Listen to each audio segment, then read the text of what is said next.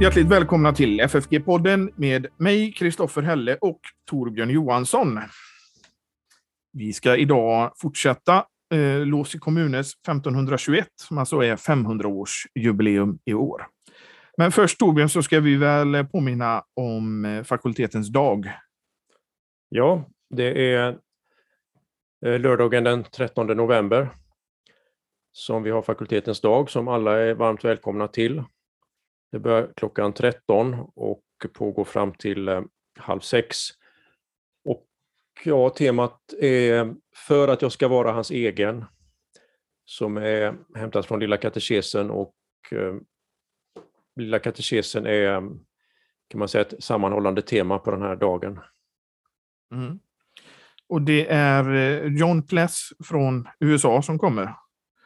Ja, han är vår särskilde gäst den här gången, eh, John Pless som är professor i, i Fort Wayne.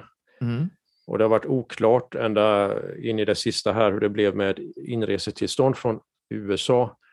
Men nu, nu är det klart att han kan komma, vilket vi är glada över. Så ska han sedan veckan som följer ha en eh, STM-kurs här. Mm. En, en, en masterkurs. Ja. Och eh, det börjar klockan 13. Ja. Programmet kan man ju då eh, besöka vår hemsida ffg.se för att se också hur det ser ut. Ja, och där står det också lite mer om eh, John Pless ska ha ett fördjupningsseminarium eh, på förmiddagen mellan klockan 10 till kvart i 12 som handlar om Lilla katekesen i församlingen.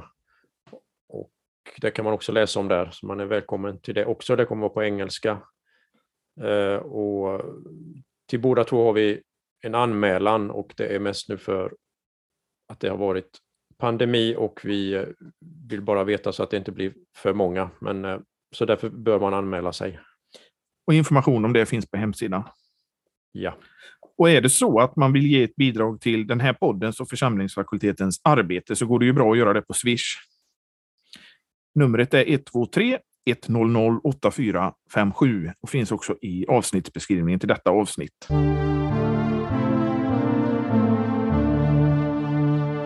Vi ska fortsätta eh, om Låsi och vi har kommit till kapitel 6 om rättfärdiggörelsen och tron. Ja. Och vi börjar, eh, och de som följer med i boken så börjar det på sidan 123 och han skriver här, alltså blir vi rättfärdiggjorda när vi dödas genom lagen och återuppväxt genom nådens ord, vilken utlovas i Kristus, eller när evangeliet efterskänker synderna och vi håller fast vid honom i tro utan att vi tvekar om Kristi rättfärdighet är vår rättfärdighet, att Kristi tillfyllestgörelse är vår försoning, att Kristi uppståndelse är vår. Ja, där har vi... Det är en fantastisk inledningsmening ja. som eh, Melanchthon förmodligen har eh, noga tänkt igenom vad som nu ska inleda det här eh, huvudkapitlet. Eh, man kan säga det här avsnittet om rättfärdigheten och tron redan genom sin längd, det är ungefär 40 sidor långt det här kapitlet, eh, så är det ju nu verkligen en huvudsak som han har kommit fram till. Mm. Och säkert noga som sagt tänkt igenom hur han formulerar första meningen. Den är, eh, ja, den är väldigt intressant att bara stanna i, inför i sig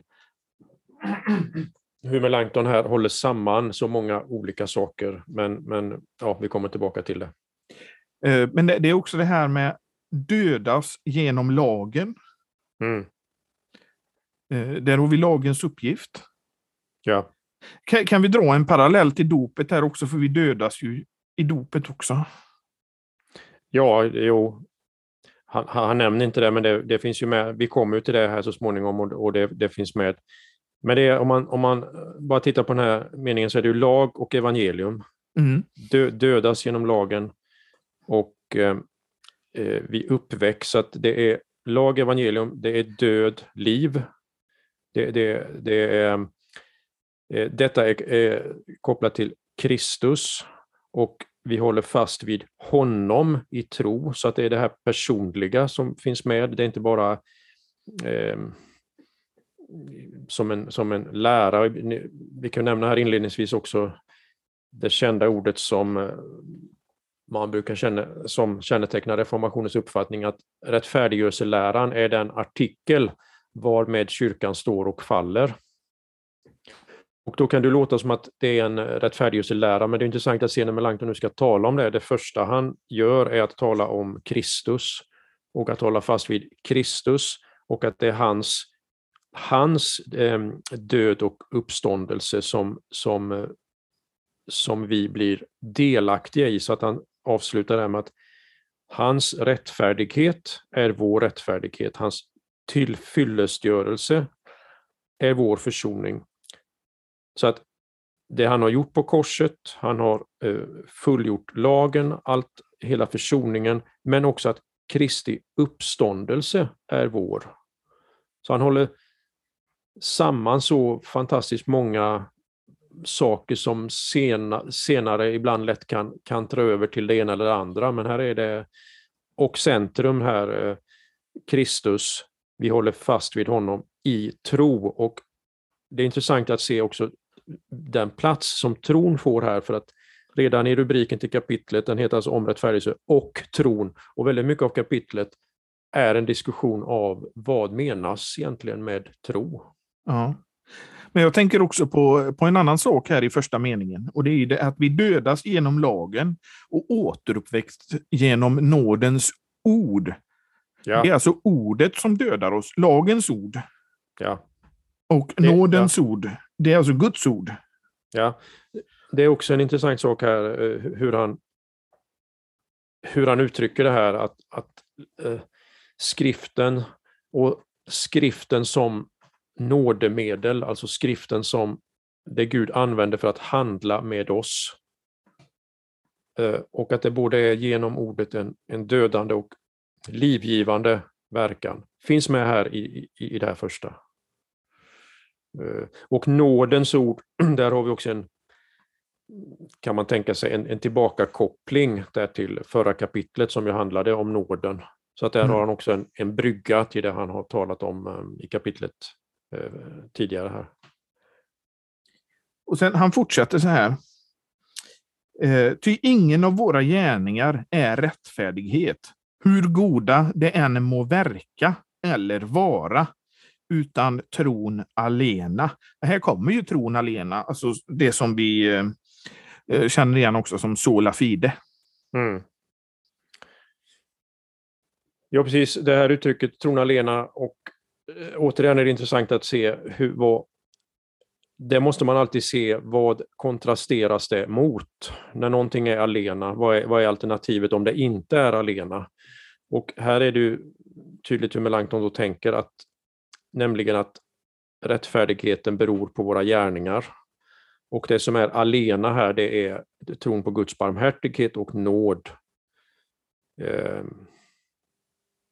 Men mellan det nu, nu, vi hade en mening emellan som jag också gärna vill att vi stannar inför. Efter den här långa inledningsmeningen och till den du kom nu i paragraf 2, så säger han ju så här, kort sagt, att vi inte tvekar om att våra synder är oss förlåtna och att Gud nu hyser välvilja mot oss och vill oss väl.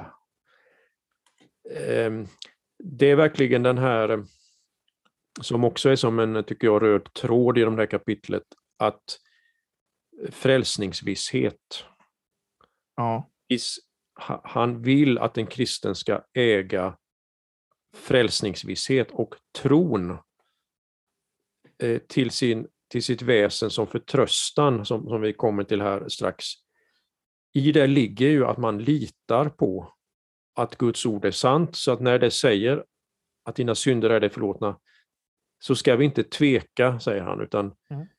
eh, och det hör samman med själva gudsföreställningen.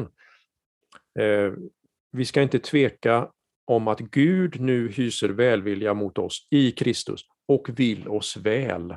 Det är en sån här väldigt enkel formulering men som egentligen rymmer otroligt mycket som Melanchthon kan utlägga i andra sammanhang, nämligen att du tror och litar på att Gud vill dig väl. Och det kan man ju lätt tro när allting går bra i livet.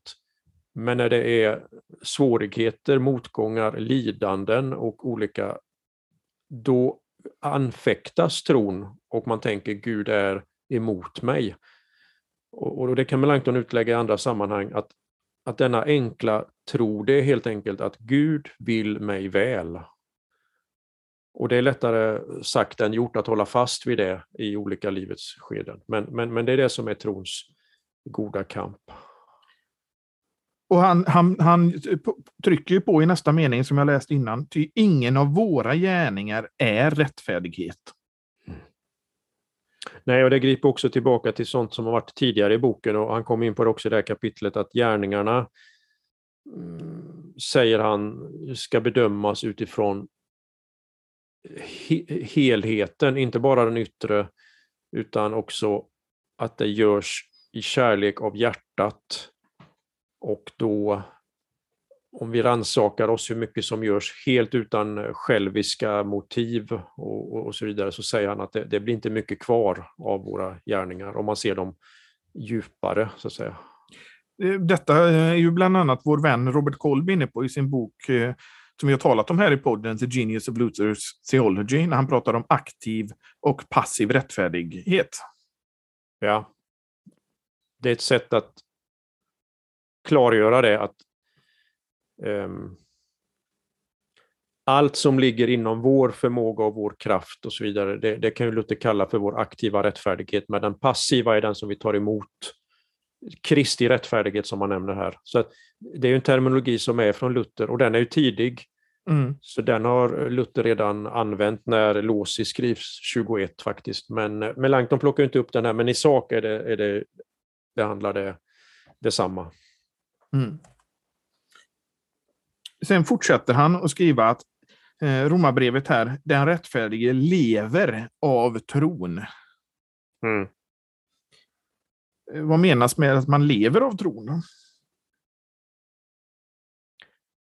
Att man har liv eh, genom tron. Och det ju, har man diskuterat hur Romarbrevet här ska översättas om den av tro rättfärdige skall leva eller den rättfärdige ska leva av tro. Och det klingar säkert med både och i, i, i Paulus ord, men jag tror man här ska lägga märke till hur många gånger på den här första sidan som han nämner Jesus Kristus. Och tron är hela tiden det som förbinder oss med Jesus Kristus. Det är inte tron som en kvalitet i sig, utan det är detta att den förenar oss med honom. Och längre fram i, i den lutherska traditionen har man ju jämfört det med tron som en tig, tiggarhand, vilket uttrycker att den bara är det som tar emot gåvan. Och om vi ser här hur han på flera ställen eh, nämner att det är tron på Jesus Kristus, och vi tänker livet är ju hos honom, det är han som är livet och på så sätt så får vi del i det genom tron som en slags, vi kan säga ett relationsord, sätter oss i förbindelse med honom. Och så lever också den eh, som är rättfärdiggjord av tro. Mm. Och, och, han nämner ju Romarbrevet 4.5 här och då, det han inte tar med är ju det innan att den som har gärningar att peka på, den får sin lön efter det. Men för den troende räknas tron till rättfärdighet. Mm. Och då, då kommer den här frågan som det här leder över till, att hur kan tron ha en sån eh, effekt och en sån verkan? Och det var alltså en stor diskussionspunkt här, särskilt i reformationens början. Vad menas egentligen med tro i de här sammanhangen? Och det fanns, eh, vi har ju det i våra språk, det här som vi har varit inne på tidigare, att tro det är något man inte vet. Jag tror någonting, men jag vet det inte. Men där måste man komma bort ifrån i det här sammanhanget, utan det är tron i betydelsen förtröstan och för, förlitan på. Att jag tror på dig, jag, jag, jag litar på dig. På 1500-talet här, det Melanchthon särskilt tar upp och eh, diskuterar, det är när tron görs bara till ett försanthållande. Så att du bara tror att Bibeln, det som skildras där, har hänt som fakta och det var egentligen en ganska ring, ringa ting på 1500-talet.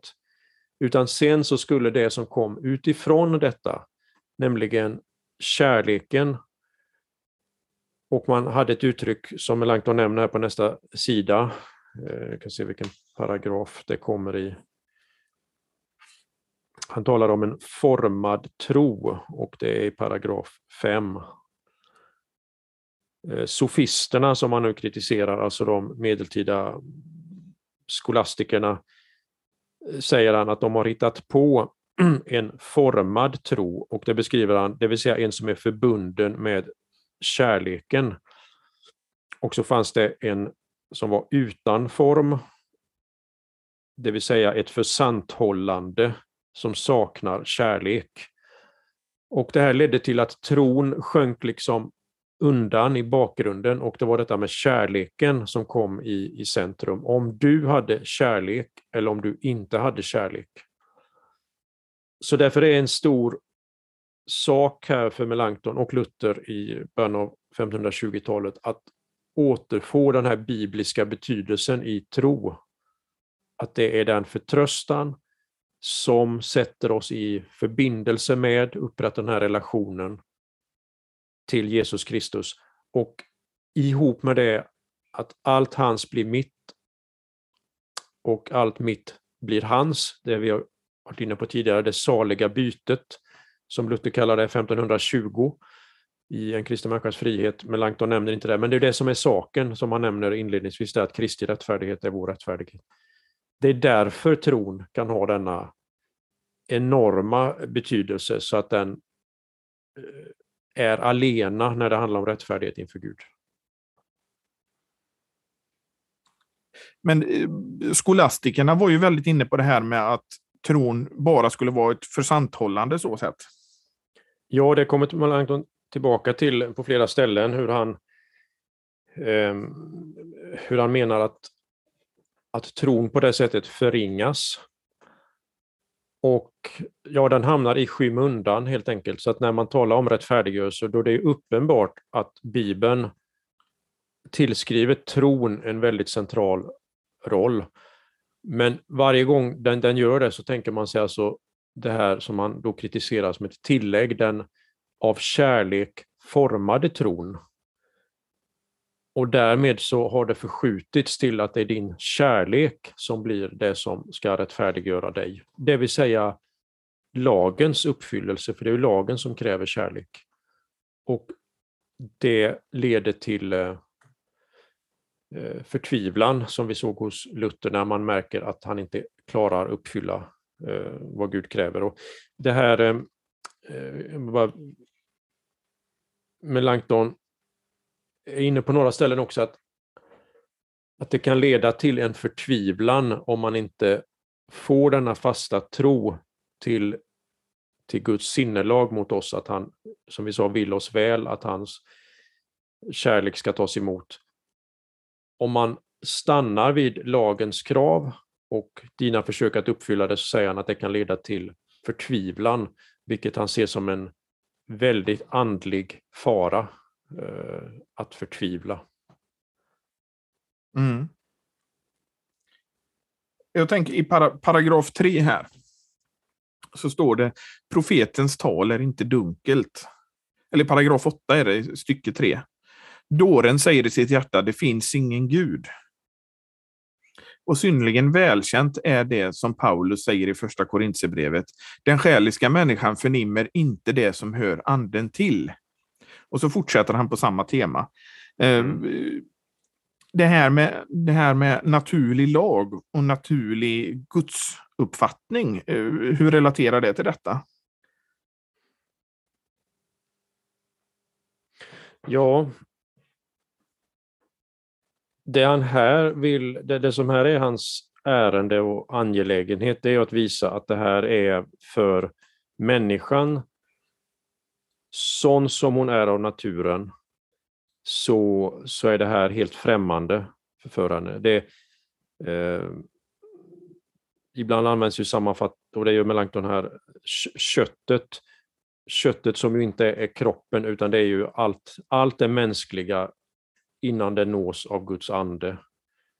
Eh, och där menar han att för att vi ska lära känna det krävs ordet och anden som verkar genom ordet. Um, därmed inte sagt att vi inte kan veta någonting om Gud utifrån skapelsen och den naturliga gudskunskapen. Det är han ju också inne på andra ställen hur vi kan veta eh, sånt som rör lagen, men evangelium, det måste komma utifrån genom ordet. Um, och det är så det mynnar ut här också, i det du nu nämnde här, paragraf 8 och, och 9. Mm. Um, han har sådana här, det är nu i paragraf 9 som jag läser andra meningen.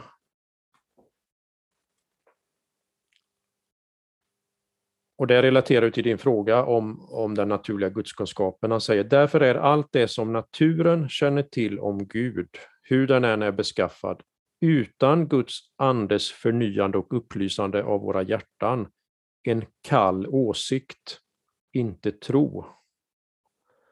Och därför inget annat än förställning och hyckleri, okunnighet om Gud och förakt för honom. Så att han säger ju inte att vi inte kan veta någonting, men han säger att det stannar vid, det är ett speciellt uttryck, en kall åsikt. Det är liksom inte andens liv och värme som, eh, som är den tron som kommer av ordet och anden. Men är inte lagen en kall åsikt? Både den uppenbarade och den naturliga? Lagen är ju den uttryck för Guds vilja den är som Paulus säger rättfärdig, helig och god. Um, den är också men, fast. Men, men när den stannar, när den möter oss, den blir ju som en, en ank, den anklagar.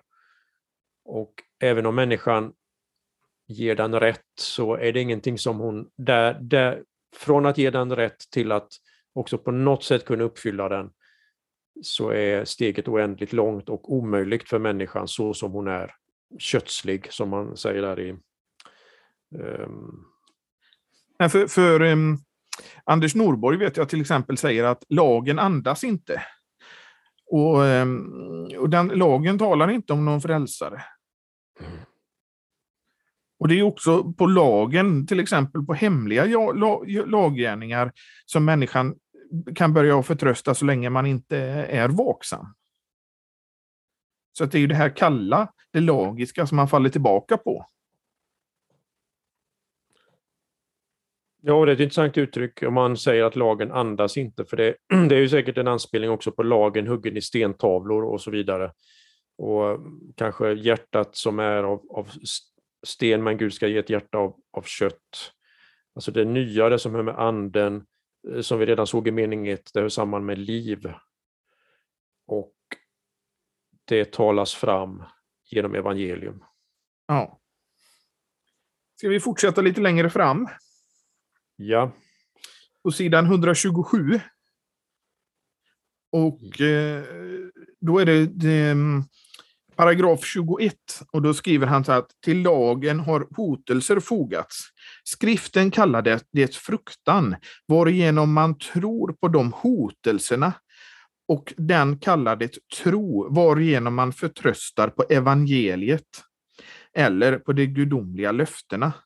Fruktan rättfärdiggör inte, utan tro, ty i så fall skulle även de förtvivlade, de fördömda blir rättfärdiggjorda, ty de som fruktar på detta sätt, de ärar inte Gud eller tror på allt Guds ord. Ty de tror inte på löftena, alltså rättfärdiggör tron alena. Också väldigt starkt. Ja, det är det. Och återigen eh, den här tvåfalden som finns här, att, att å ena sidan hotelser som väcker eh, fruktan. När man verkligen tror på dem så väcker de fruktan. Men samtidigt löften som om man verkligen tror på dem så skänker de eh, visshet, eh, förtröstan. Och det är liksom en dubbelhet här och en slags dynamik både mellan lag och evangelium men också mellan fruktan och tro. Och han... Vi har ju talat om det tidigare, jag och du. Jag vet inte om jag har varit i podden eller på tu man hand, men just det här vad man lägger i ordet frukta också. Guds, ja. Till exempel gudsfruktan. Ja. Det, det är ju också någonting man kanske ska definiera det ordet lite. Ja, vad säger du? Nej, men jag tänkte att du ska frukta och älska Gud. Det talade vi om mycket i, uh, när vi gjorde lilla katekesen. Mm. Och, och, i det så ligger det ju inte bara det här att man ska vara rädd för. Det skulle jag säga är en liten del, utan det är också att man ska vörda och vara rädd för de konsekvenser som händer om man inte eh, vördar Gud. Ja. Eh, jag tittar här. Melanchthon är inne på mm, ett, det är ett ställe som jag nu inte hittar här, där han säger att till tron hör också fruktan. Fruktan finns med som en del i tron. Jag tror det är mot slutet av kapitlet. Men det är ju också någonting som eh, hör helgelsen till då. Ja. För att det här kapitlet har ju också med helgelse att göra. Ja, det har det. Det är viktigt också att eh, det är ju rättfärdiggörelsen, men han vidgar det kan man säga till det som senare i dogmatiken har liksom tydligt rättfärdiggörelse, helgelse. Och Melanchthon behandlar egentligen båda två i det här, så att även det som blir, som man säger, trons frukt, det vill säga det nya livet, det helgade livet och det förnyade livet, det behandlar han också här i samma kapitel. Och då lever ju det kvar, den här fruktan, men i, i mest i form av vörda. Det är inte det att man är skrämd så som icke omvänd människa på det sättet. Då, mm. då, då, finns ju fruktan där som en annan eh, variant, mer i det som jag sa innan, att vörda. Ja. Jo, jag, jag bläddrade fram här nu och det som du är inne på där, det kommer egentligen eh, han tillbaka längre fram i kapitlet på sidan 159. Mm. Eh, och framåt här, han, han, är inne på det på flera ställen, men vi kan bara se um, paragraf 180. Alltså kommer sofisterna att säga Finns det inget vi bör frukta? Nej, det stämmer. Ty om, om, om fruktan saknar tro kommer den att vara gudlös. Mm. Det är en väldigt anmärkningsvärd sats egentligen, för att om du, om du bara fruktar Gud utan att tro, men du räknar med Gud och du fruktar, du är rädd för Gud, så kallar Melanchthon den eh, för gudlös. Och det är ju inte meningen att du inte räknar med att Gud inte finns, men han menar den är, den är helt fel. Det är inte det Bibeln eh, vill att vi ska, som vi ska, ska leva, utan tron måste till. Men det han, när han utvecklar det här sen så säger han att tron, och om vi går ner till 182, då är han inne på vad skriften undervisar om förhållandet mellan fruktan och tron. Då säger han, nu räcker det att ha påpekat att fruktan ska hänföras till våra egna gärningar, tron till Guds barmhärtighet. Tron är upphovet till den heliga fruktan. Den fruktan som saknar förtröstan på Guds godhet, den måste nödvändigtvis vara gudlös. Mm. Så här räknar han med att till tron hör en fruktan, men han kallar den nu för en helig fruktan, alltså något gott. Och det här utvecklar han ytterligare i avsnitten som kommer här. Jag tänkte bara... Om, vi går tillbaka bara till, till eh, paragraf 21 på sidan 127. Så skriver ja, han... Okay, ja. ja, men, bara att han redan har... Fruktan rättfärdiggör inte, utan tro. Ty i så fall skulle även de förtvivlade, de fördömda, dömda, bli rättfärdiggjorda. Ja, det är samma som vi hade här, ja, precis. Ja. Att, eh, eh, det, Melanchthon är väldigt angelägen om att det ska leda fram till detta, det ska leda förbi det här att, att bara frukta till tro och förtröstan. Men den här andra sidan av det som vi var inne på, att för den som tror så finns också en fruktan, det vi kallar gudsfruktan. Och då kan vi gå tillbaka där vi var, det är alltså då 161, sista meningen i paragraf 190. Där säger han, ty fruktan kan inte skiljas från tron. Det är en viktig mening faktiskt, att, att det är inte så att han tänker att först fruktar människan, sen kommer hon till tro och, och till förtröstan, i den meningen att hon då skulle sluta frukta, utan fruktan finns kvar, men den förändras. Han kallade det tidigare för en, en helig fruktan. Och här nu så kallar han den, eh, då är vi inne i paragraf 191, alltså den direkta fortsättningen. Till fruktan kan inte skiljas från tron. Tron skådar enbart Guds barmhärtighet. Fruktan betraktar Guds dom och våra gärningar. Så säger Paulus i Romarbrevet 11. Du står i tron, var inte högmodig, utan frukta. Det vill säga att se till så att du inte avfaller från denna tro på Guds godhet. Och det här som man då, hur man ska beskriva det, att du ändå inte är eh, eh, fruktar som, som trälen gör, eller den här slavaktiga mm. fruktan, så har man ju i, i, tidigt har man eh, redan på 1500-talet i katekesundervisning och på olika sätt det här med slav barnet har en trygghet, men det finns också liksom en ja, säga, respekt, vördnad. Man vet att Gud är Gud.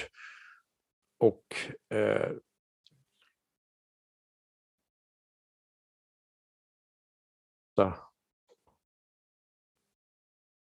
mm. Men eh, jag tänkte på, det, i ordet tro här så ligger ju det grekiska ordet pistevo i bakgrunden. Och Det grekiska ordet pistevo, det har ju inte bara det att tro utan också förtrösta i sig. Jag tänkte, vad är det för latinskt ord som Melanchthon använder för fruktan här? Kan man eh, lägga någonting mer i det? Nu har jag inte den texten här, men jag gissar att det är ti Timor, skulle mm. jag gissa för fruktan. Men jag tror inte det går att komma... Mm.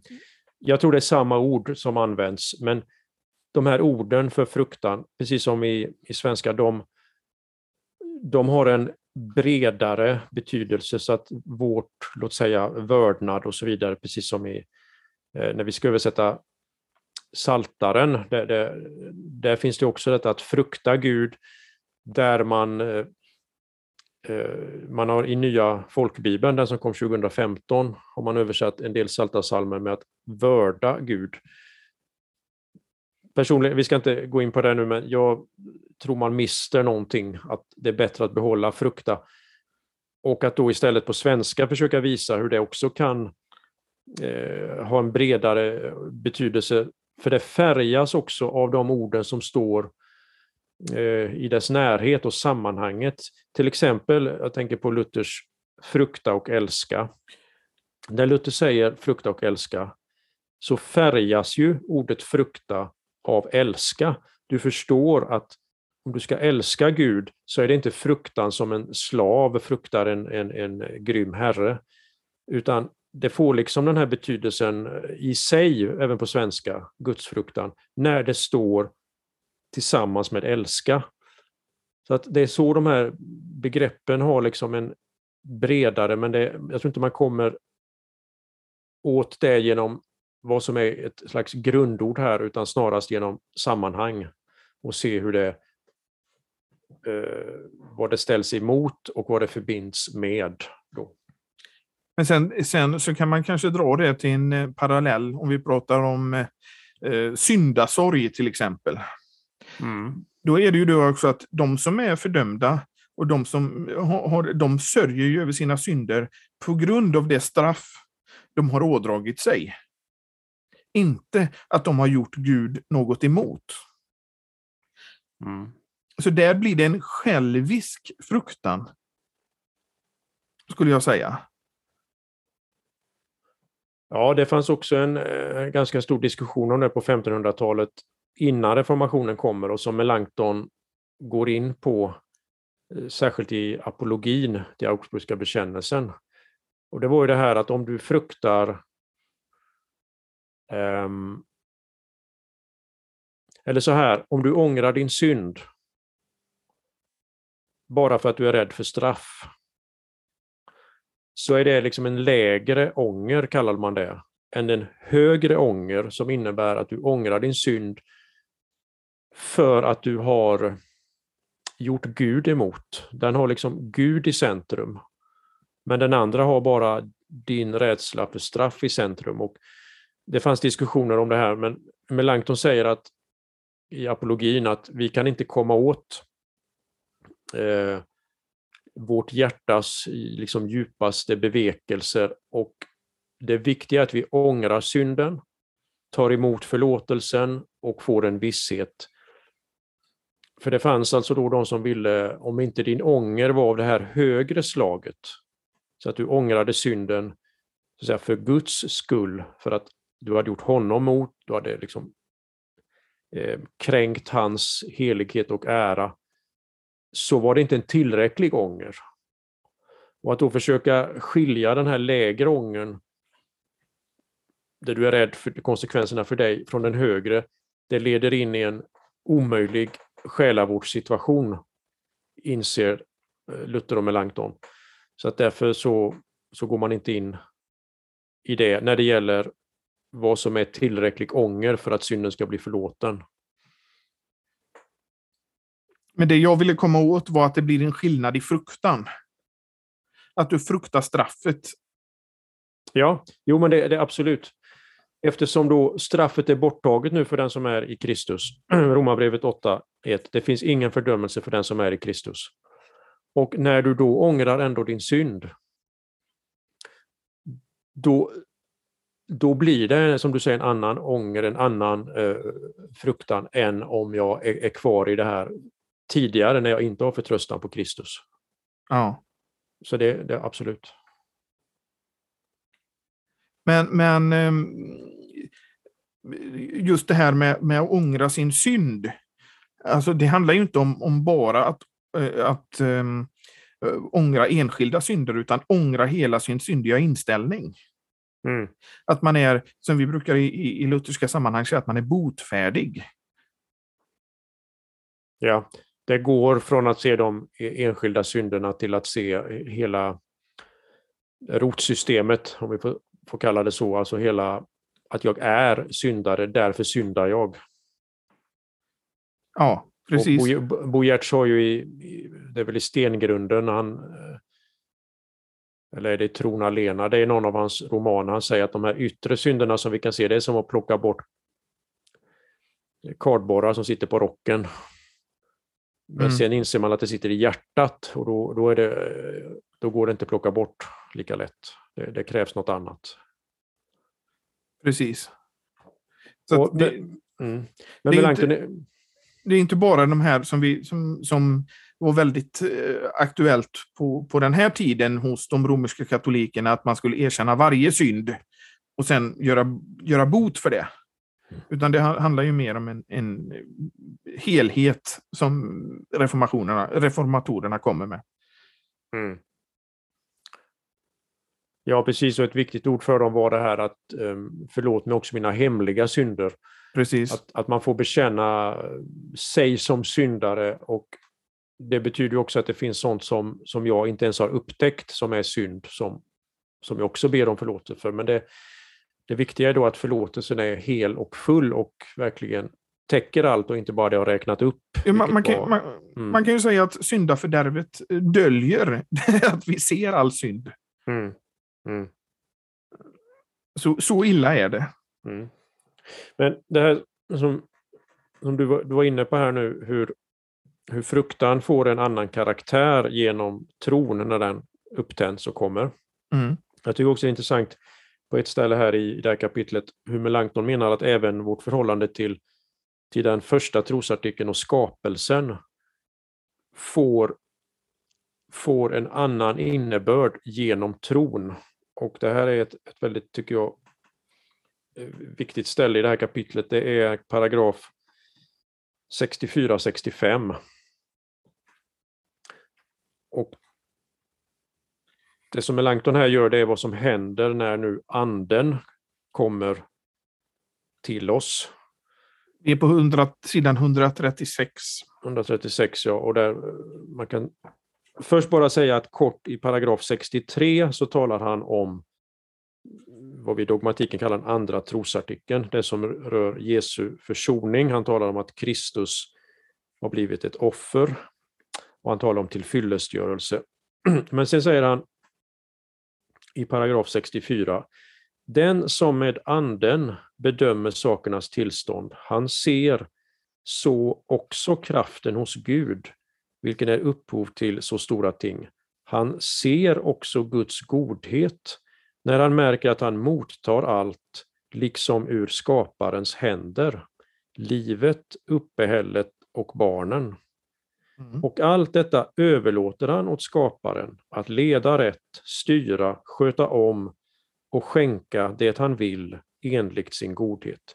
Denna tro på skapelsen är inte en kall åsikt, utan en intensivt levande kännedom såväl om Guds kraft som om hans godhet, som utgjuter sig över alla skapelser, som styr och förvaltar alla skapelser. Och så säger han att om man rätt skulle utlägga detta så vet han inte hur mycket papper han skulle behöva slösa på denna enda punkt. Mm. Alltså, genom anden förstår människan nu inte bara andra trosartikeln, vad Jesus har gjort och vad det betyder, utan han förstår också första trosartikeln på ett helt nytt sätt. Så det är intressant, det är också en, en förvandling som man menar äger rum här. Och som man, liksom, det griper tillbaka till då själva skapelsen som här utläggs på ett väldigt eh, vackert sätt. Här har vi också det som vi inom dogmatiken brukar kalla för gubernatio och eh, Guds försyn. Mm. Att Gud är inte inaktiv i sin skapelse. Nej, han, han menar att för att verkligen kunna lita och förtrösta på att Gud som han här räknar upp, leder rätt, styr, sköter om, skänker det han vill. Det, det, det är också lätt att säga men väldigt svårt att leva i och tro när saker går emot. Men det är det han menar, att det, till det krävs också denna tro som är tänd av anden. Mm. Eh, så det... Jag tror ibland vi delar upp det för mycket. Vi tänker första trosartikeln, skapelsen. Och då tror man på skaparen och eh, också andra med, med återlösningen, frälsningen och tredje helgelsen, anden. Men här sammanfattar Melanchthon alla tre och, och, visar hur just genom anden så förändras även min, min förståelse av första trosartikeln. Men det, det är ju så att eh, det tillskrivs som den drivande parten, Fadern skapelsen, Sonen eh, återlösningen och Anden helgelsen. Men de andra är ju inte inaktiva. Nej, det, det ser, vi, det ser mm. vi ju i skapelseberättelsen i Första Mosebok och vi ser också det väldigt, väldigt tydligt i Johannesprologen. Mm. Det är viktigt det är att alla tre gudomspersonerna är är verksamma i, i alla dess gärningar här, här i skapelsen, men, men att det i synnerhet är en då som man... Men i, om man inte tänker på det, om man inte betonar det, och, så kan det bli ungefär som att ja, men första artikeln om skapelsen även om du har en mer allmän gudstro och en kristen som då tror på första eh, Gud som skapare och första trosartikeln, att det därmed skulle vara mm, liksom en, en, en, stor likhet mellan förståelsen av skapelsen och sen skiljer det sig däremot när man kommer till eh, andra och tredje trosartikeln om mm. frälsningen och helgelsen. Men Melanchthon säger att utan detta så är det bara en kall åsikt. Återigen har han det här, den här kyliga, du, det är bara någonting du har i, i, i huvudet. Medan annars är det en, och det här tycker jag är väldigt starkt uttryck, han säger en, en intensivt levande kännedom om både Guds kraft och Guds godhet.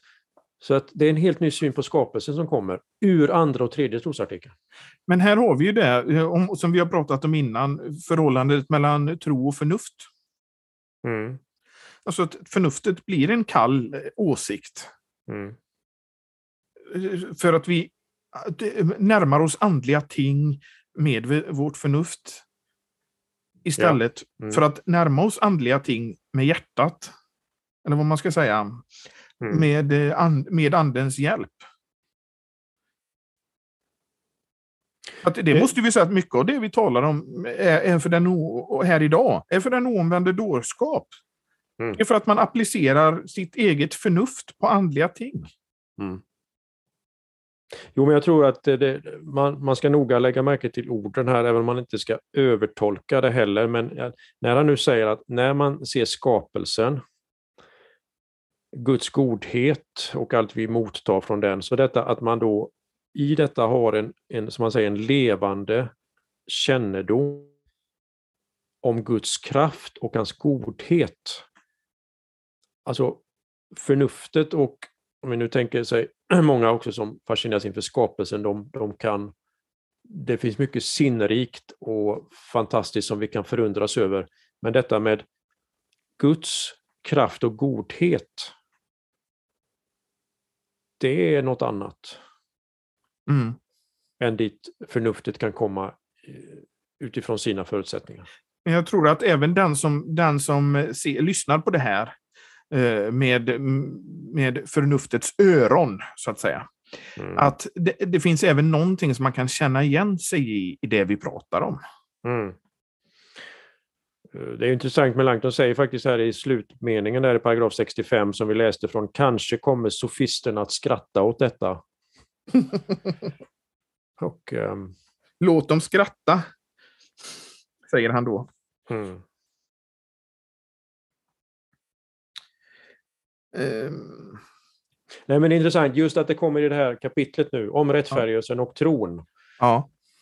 Så den här förmågan nu som Melanchthon har att, att hålla samman eh, sidor i dogmatiken och tron, att här kommer han även alltså in eh, i sånt som vi ibland tyvärr när vi renodlar eh, särskiljer för mycket från vartannat. Mm. Jag tycker exempel hur han håller samman tron, kristna trosläran alltså i, som en helhet. Men också, alltså, det heter ju trosartiklarna, det är någonting vi tror på, det, vi bekänner det här som mm. någonting vi tror på. Och det är inte så att idag väljer vi att bekänna den första artikeln, utan vi gör alla tre mm. varje gång. Mm.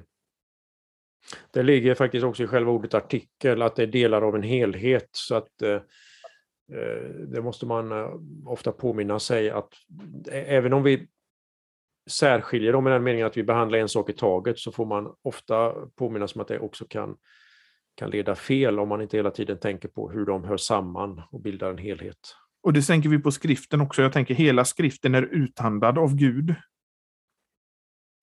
Det är en helhet. Ja, det är också en intressant dynamik när man tänker på att varje bibelställe får ju sin, eh, hör ihop med helheten. Och det är därför jag tycker sån här låsmetod som vi går igenom nu är så excellent. Ja, men att ta bibelläsningen, varje bibelvers egentligen måste man förstå utifrån helheten och, och, helheten skapas ju samtidigt av alla dessa delar så det är liksom en väldig mm, växelverkan här mellan eh, att se på helheten och se på den konkreta enskilda versen och delen och kapitlet. Så att det... Men just denna dynamiken vi pratar om nu, det är också det här som gör att Guds ord kan tala till var och en, till vad den behöver just nu. Mm. Det är det. Det är outtömligt rikt och kan tala till, till den enskilde just i olika situationer. Mm.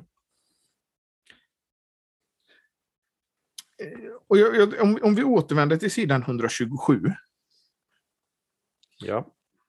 Så är vi lite inne på det vi har pratat om innan. Således är tron inget annat än förtröstan på den gudomliga barmhärtigheten som utlovas i Kristus och till och med i det ena och det andra tecknet. Mm. Eh, jag, skulle, jag, skulle, bara vilja att vi, vi stannar vid ordet tecken här. Mm. Eh, så att vi inte blandar ihop korten här på något sätt. Vad menar han med tecken? Ja, det Det tror jag syftar fram mot eh, sakramenten. Mm. sakramenten som kommer här, det är ju eh, lite längre fram kapitel 8, de, de har rubriken om tecknen. Och han räknar där med två tecken, eh, nämligen dopet och nattvarden. Men eh, det är en intressant fråga, varför nämner han detta här? Ja, det är, också, det är väldigt intressant. Det kanske också är det här som vi var inne på nyss, att han faktiskt håller samman mycket och, och låter det, precis som han anknutit till saker som han har sagt tidigare, så kanske han här låter någonting peka framåt mot det som kommer. Men, men det, det är säkert det han syftar på, att eh, eh, sakramenten, tecknen, eh, och han liksom håller samman nu detta med att även där är det en förtröstan och det bygger på Guds löften. Eh, det kommer vi tillbaka till där kapitel 8, men, men det, det, är det som ligger i ordet. Men om vi tar samspelet mellan Luther och Melanchthon här. Alltså om vi tittar på Luther, vi har varit inne på det innan i podden och, och, och jag och du har varit inne på det. Det är det här med Luthers syn på dopet. Hur han som romersk katolik ser det som en engångshändelse eh, och, och, inte tänker så mycket om dopet. Och sen som eh, ju, ju, längre tiden går så blir dopet större för honom till någonting man faller tillbaka på. Mm.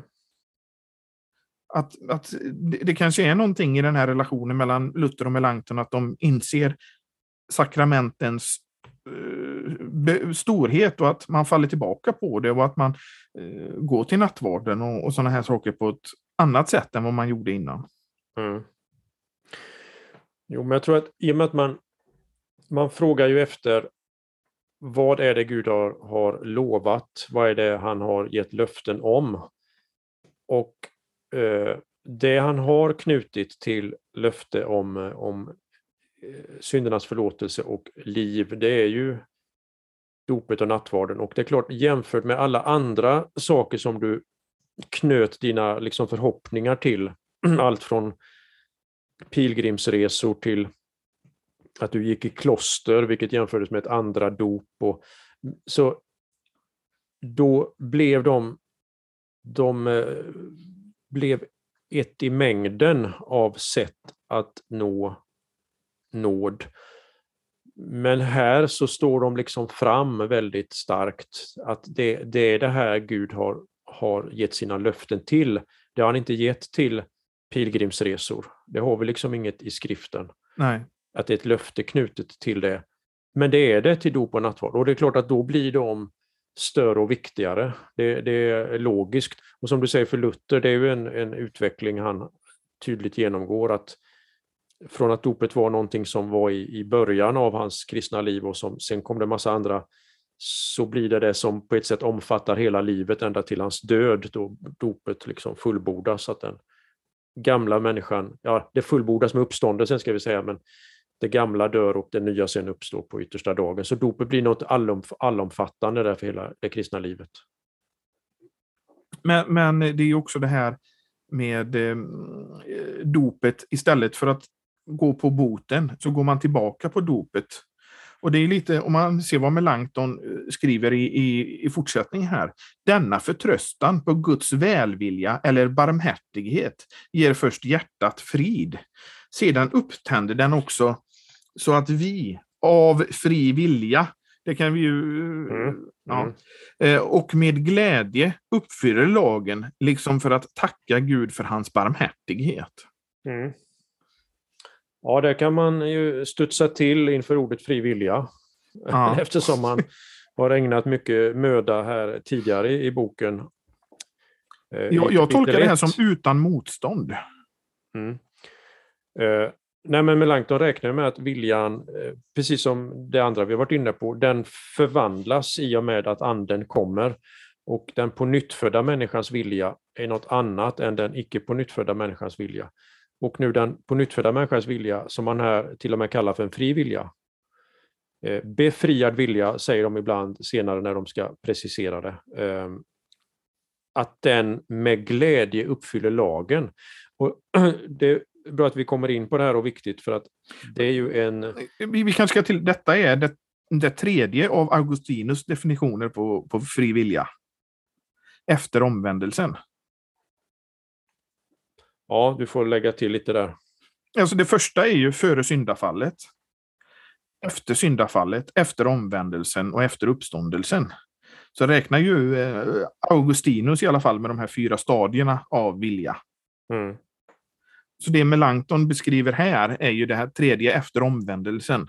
Mm. Om man ska Det som man har det beskrivit, det har beskrivit tidigare då, det, det är i, i stadium två. Ja, För, för, för, för. Men sen är, finns stadium två alltid kvar. Det finns kvar och den kampen. Men Ja. det som är en stor angelägenhet för Melanchthon nu i, i det här kapitlet och särskilt mot slutet av det, det är ju det är också att visa att tron leder till det som skildras här, det som vi eh, ibland kallar för helgelsen, alltså det nya livet och här uppfyllandet av lagen. Och nu står ju inte i vår Eh, utgåva här eh, någon eh, fotnot till detta, men jag tror faktiskt att han kan ha och de här fotnoterna är inget som Melanchthon satte dit, utan det är utgivare som har satt dit genom eh, vilka bibelställen han inte bara citerar, utan ibland alluderar han bara, han bara har något som han eh, anspelar på. Och jag tror det är Romarbrevet 8 i det här sammanhanget som finns med, där Paulus kan tala om ett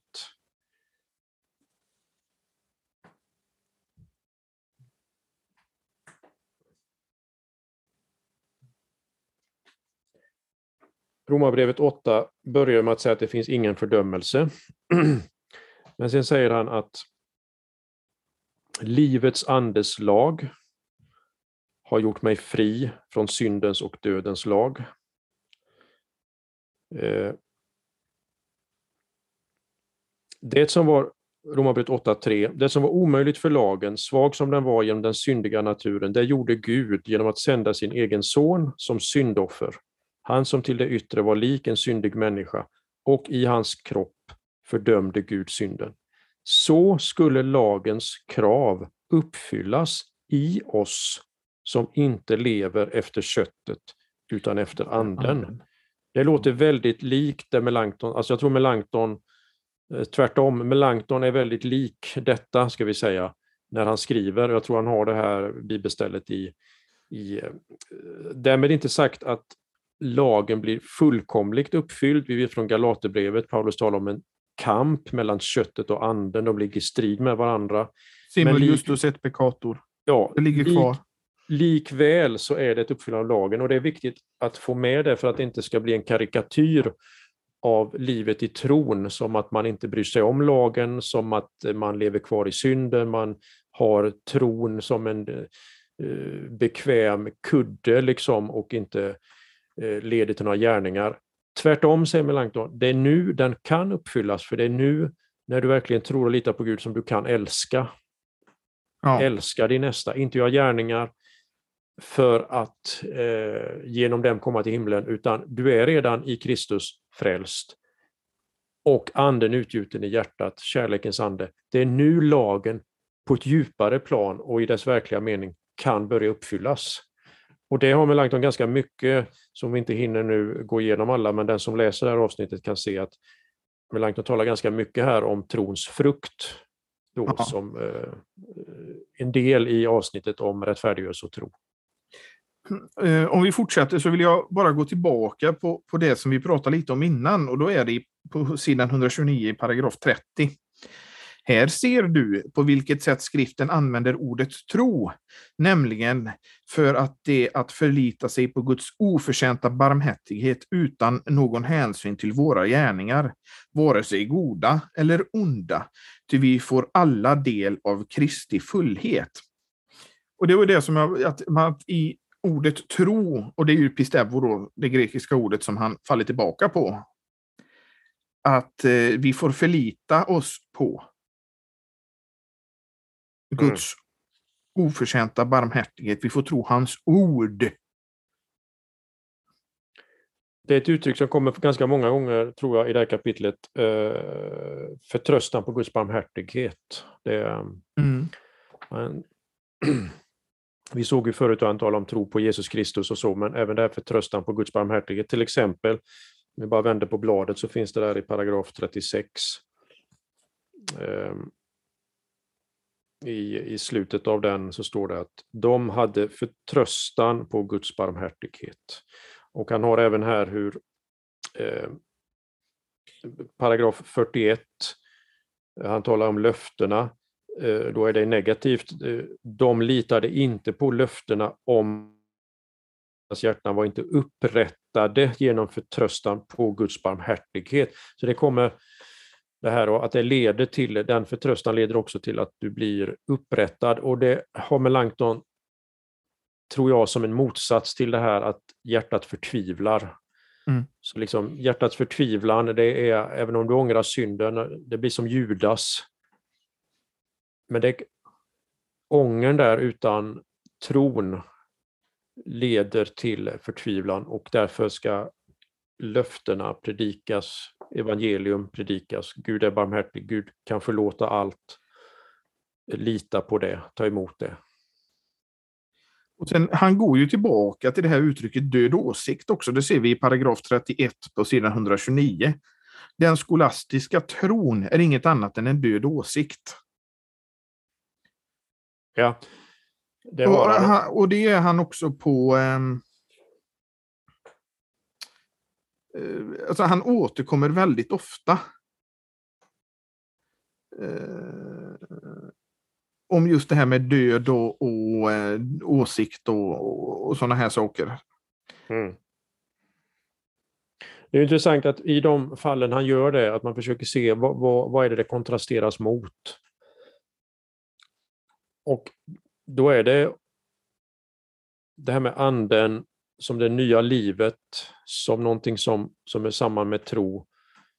Eh, men man kan säga att det här långa kapitlet nu, 40 sidor, det är lite grann ett tema med variationer, att han, han har vissa eh, grundtankar. Han uttrycker dem på, på olika sätt, så det kommer tillbaka olika, men ofta är det i relation till olika bibelställen som han, så det, det skapar en fylligare bild av det han vill säga. Men det intressanta sättet att läsa ett sånt här kapitel det är ju att verkligen försöka fråga vilka är hans huvudtankar? Mm. Och de tycker jag blir ganska tydliga. Eh, mm. Jag tänkte att vi hoppar fram till sidan 148. Och eh, paragraf 122. Och här använder han ett eh, intressant ord, nämligen lön. Mm. Du kommer att säga, förtjänar vi alltså ingenting? Men skriften använder ju många gånger ordet lön. Jag svarar, lönen finns och den tillkommer inte på grund av någon vår förtjänst, utan eftersom Fadern har lovat den har han redan liksom förbundit sig med oss och gjort sig skyldig dem som inte förtjänade något sådant. Och det är vi lite tillbaka på Romarbrevet 4.5 som vi var inne på innan. Mm. Men han tar upp lön här och han har en utläggning av det. Det är också något som kommer tillbaka till om man vill se mer på det i apologin, där han också ju talar om lön och menar att utifrån frälsningen, som är helt av nåd, så kommer det ändå eh, att bli ibland, har man kallat det för en nådeslön, som Gud i sin godhet ger eh, i himlen. Så att den aspekten av det täcker Melanchthon också in då. Men det är också, han, han tar upp i Romarbrevet 6, lönen för synden, det är ju döden. Men Guds gåva är det eviga livet. Där har vi ju lönen. Han kallar det eviga livet för en gåva, inte en skyldighet. Fastän det också är en skyldighet eftersom Fadern utlovat det, han som bundit sig till oss genom sitt ord. Mm.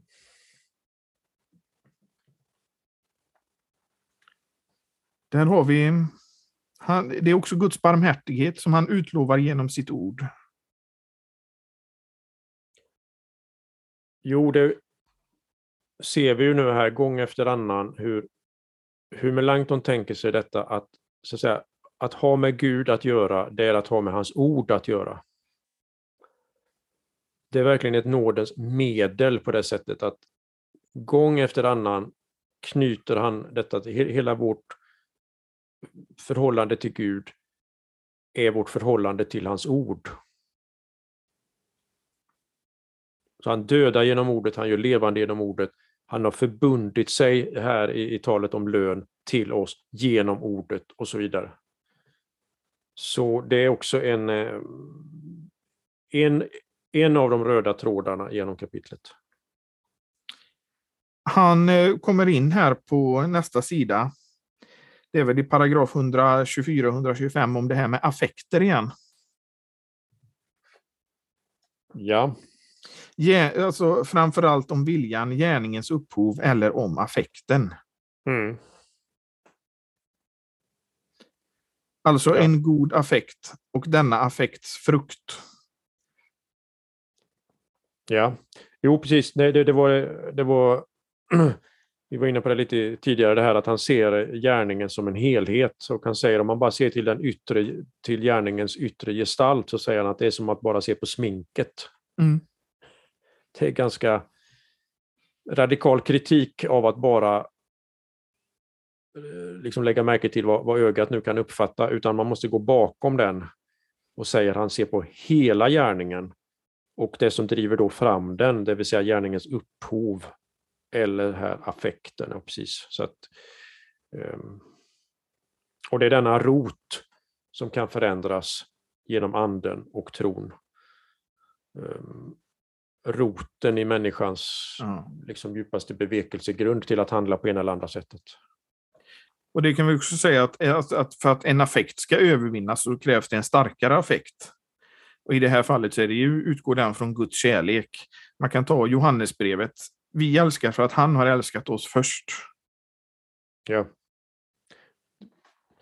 Det är det, är det Melanchthon har där i, i, i inledningen av boken, hur, hur, hur vi djupast sett inte råder över affekterna, utan det, återigen så använder han det som ett argument till att det måste komma från Gud, det måste komma utifrån. Han får omskapa eh, genom lag och evangelium. Mm. Sen tycker jag att eh, på, i paragraf eh, 128, sista meningen där, på sidan 149, eh, så skriver han att eh, från Hebreerbrevet, den som kommer till Gud måste tro att han är till och att han lönar dem som söker honom. Mm, Hebreerbrevet eh, 11.6. Ja, och då kan man ju säga att det lönar sig att söka Gud och tro på honom. Mm. Ja. Eh, så det är han inne på. På sidan 151 under rubriken om trons verksamhet tycker jag också är intressant. Också detta bör man beakta, att så som gärningarna är frukter så är de även bevis och tecken på och vittnesbörd om den helige Ande, så som Kristus sade. Ni skall känna dem av deras frukter, ty det är omöjligt att för alltid dölja hyckleriet och tron kan inte låta bli att hänge sig åt att ivrigt tjäna Gud i alla skapelser som en gudfruktig son brukar tjäna en gudfruktig far. Ja. Och det här är vi, vi är inne på aktiv och passiv rättfärdighet igen, alltså att den Ja. aktiva rättfärdigheten vittnar om den passiva rättfärdigheten. Ja. Och vi är inne på det här som är nu avslutande delen, att, att trons rättfärdighet också innefattar helgelse, alltså det, det leder till helgelse. Och det här sättet att beskriva tron, för de som inte har boken, så tycker jag, jag ska ändå läsa, det här för ju tankarna till Luthers företal till Romarbrevet. Det finns en eh, ganska berömd beskrivning av tron i det här företalet som ju trycktes i många biblar en period också. Det är skrivet ganska nära i tid, kan man också lägga märke till, 1522. Där skriver Luther, Ja, tron är ett levande, aktivt, verksamt och mäktigt ting. Det är omöjligt att den inte oavlåtligen skulle göra gott. Den frågar inte heller om man skall göra goda gärningar, utan innan man frågar har den gjort dem och är alltid i verksamhet. Det är väldigt snarlikt faktiskt det Melanchthon beskriver här som tron och det är ju ett svar och en eh, förklaring till de som tycker att hur kan tron ha den här effekten? Eh, jo, den förenar med Kristus och eftersom den är tänd av anden så är den detta levande, aktiva ting som ivrigt, det, det, man vill, man har fått en förvandlad vilja, man, man vill is, nu tjäna Gud. Från att tidigare ha varit motvillig. Att jubla och vittna om sin tacksamhet med någon tjänst tillbaka för en så stor barmhärtighet. Och då är han tillbaka till det som han återvänder till ibland med Langton, det är att i tron ropar vi Abba fader. Ja, det är frälsningsvissheten och Ja. särskilt Romarbrevet 8 här som han eh, gör, gör mycket av. Mm. Men han återkommer ofta till det. I tron ropar vi Abba fader. Mm, mm. Ja, det, det är... Det är på något sätt också när vi läser det här 1521, det är på något sätt man kan känna eh, upptäktens glädje, att det här har inte blivit någon eh, välkänd eh, skåpmat, på, utan eh, det är verkligen Melanchthon också som person som man här kan känna eh, upptäck, upptäktens glädje som man eh, förmedlar. Mm. Det, det kan man verkligen säga. Eh, nu ska vi se här. I slutet så har han en liten sammanfattning.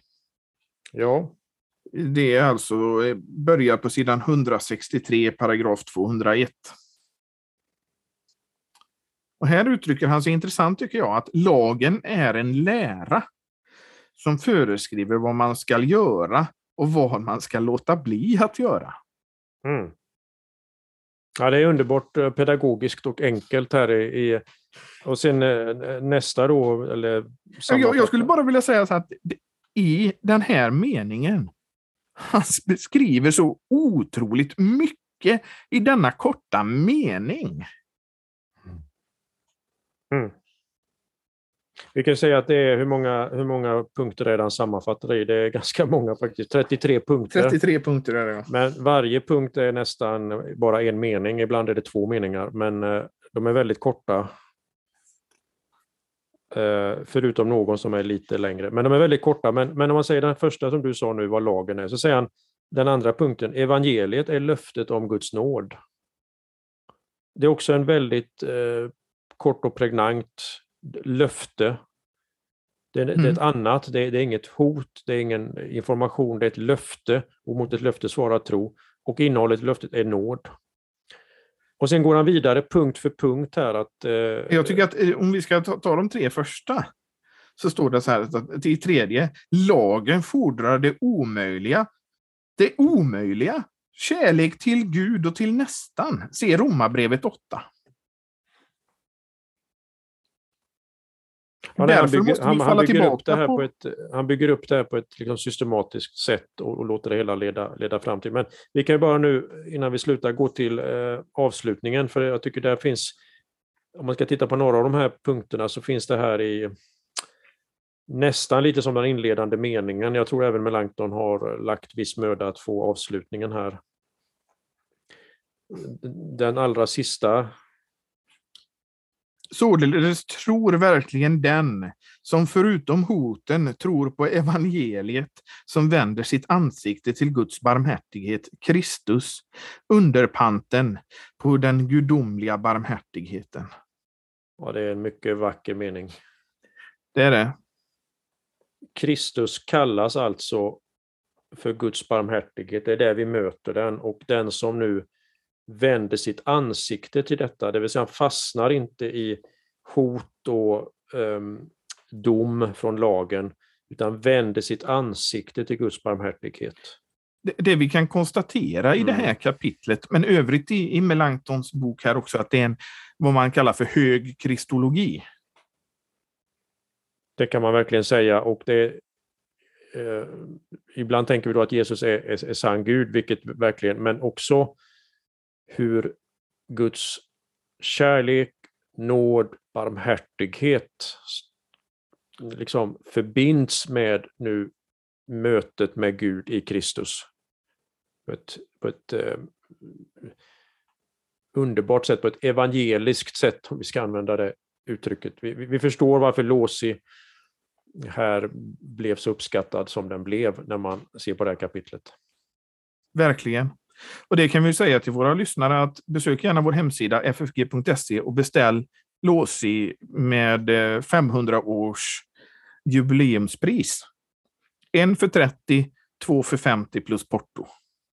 Och eh, Låsi finns också till försäljning på eh, fakultetens dag den 13 november. Det gör den. Och där kan vi nämna också att det kommer bli en, annan, en, en större utförsäljning av dubbletter från biblioteket. Det är ytterligare en anledning att komma. Det har samlat på sig en del under arbetet här nu, ett och ett halvt år av eh, coronatid. Men biblioteksarbetet har pågått och därför finns det en extra stor eh, eh, samling böcker som kommer säljas ut. Eh, så förutom Låsi kan man hålla utkik efter en del annat intressant också. Mm, verkligen. Ska vi eh, avsluta det här Torbjörn? Ja,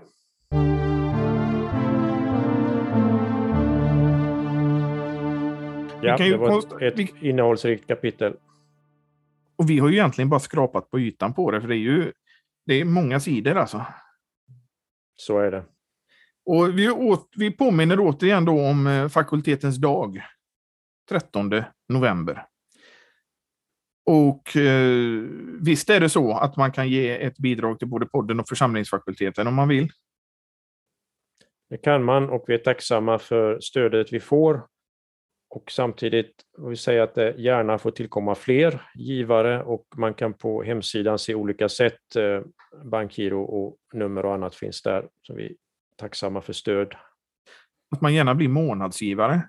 Det är Mm, ju en, eh, absolut. Och då får man hälsning och man får lite annat också. Man får eh, småskrifterna som kommer ut. De skickas ut till alla som har gett en gåva senast ett och ett halvt året och nyligen har kommit ut en eh, av Daniel Johansson om eh, argument för att Jesus är sann Gud. Glans heter den som bygger på ett eh, sätt att visa att Jesus är sann Gud. Och, ehm, Med Rembrandts underbara målning på, på framsidan. Den är väldigt vackert eh, gjord, hela skriften, både text och, och bilderna. Ja. Och den finns också att köpa både på ffg.se och på fakultetens dag. Ja, Ja. Och eh, ska vi tacka för oss och säga att vi hörs igen härifrån FFG-podden nästa vecka. Så på återhörande.